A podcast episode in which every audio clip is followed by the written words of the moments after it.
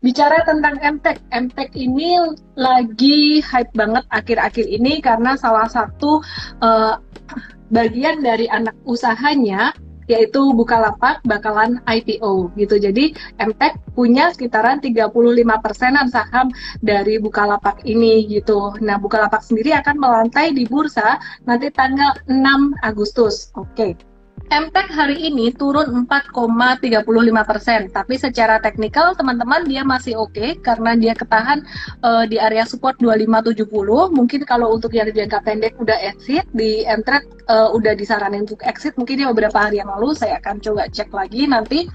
Tapi kalau untuk yang jangka menengah masih bisa uh, menarik untuk di hold. Sekali lagi disclaimer buat teman-teman semuanya.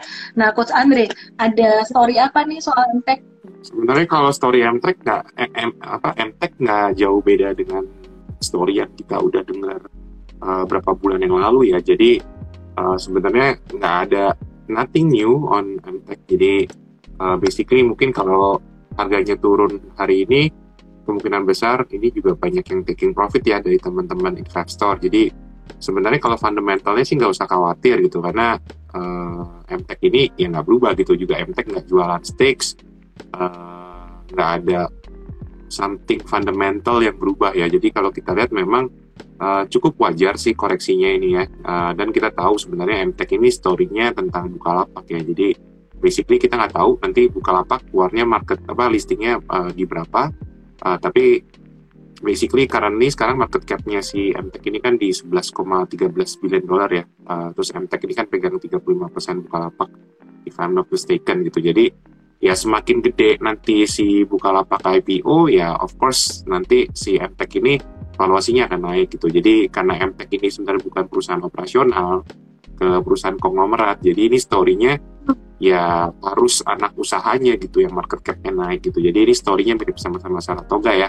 Jadi kalau teman-teman hmm. kemarin yang ngikutin Saratoga, kemarin Saratoga naik ini kan sebenarnya on apa ya re-rating ya. Jadi uh, karena anak usahanya udah naik kemarin ada Tepik ada MDKA ada Adaro uh, ada Agi juga ada FGMX dan kebetulan semuanya naik.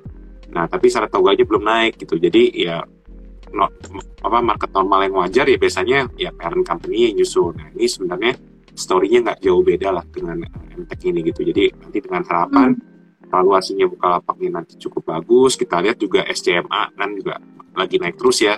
Jadi iya tiga harinya turun sih, tapi koreksi normal. Hmm.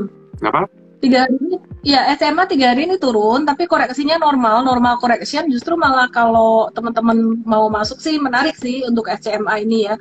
Uh, tapi bukan sekarang ya, aku ukurin dulu coba coba coba aku ukur dulu SMA ini dia bisa retrace sampai ke level sekitaran 2000 2000 sampai 2100 yang uh, midterm pegang jangka menengah sih hold hold aja sih gitu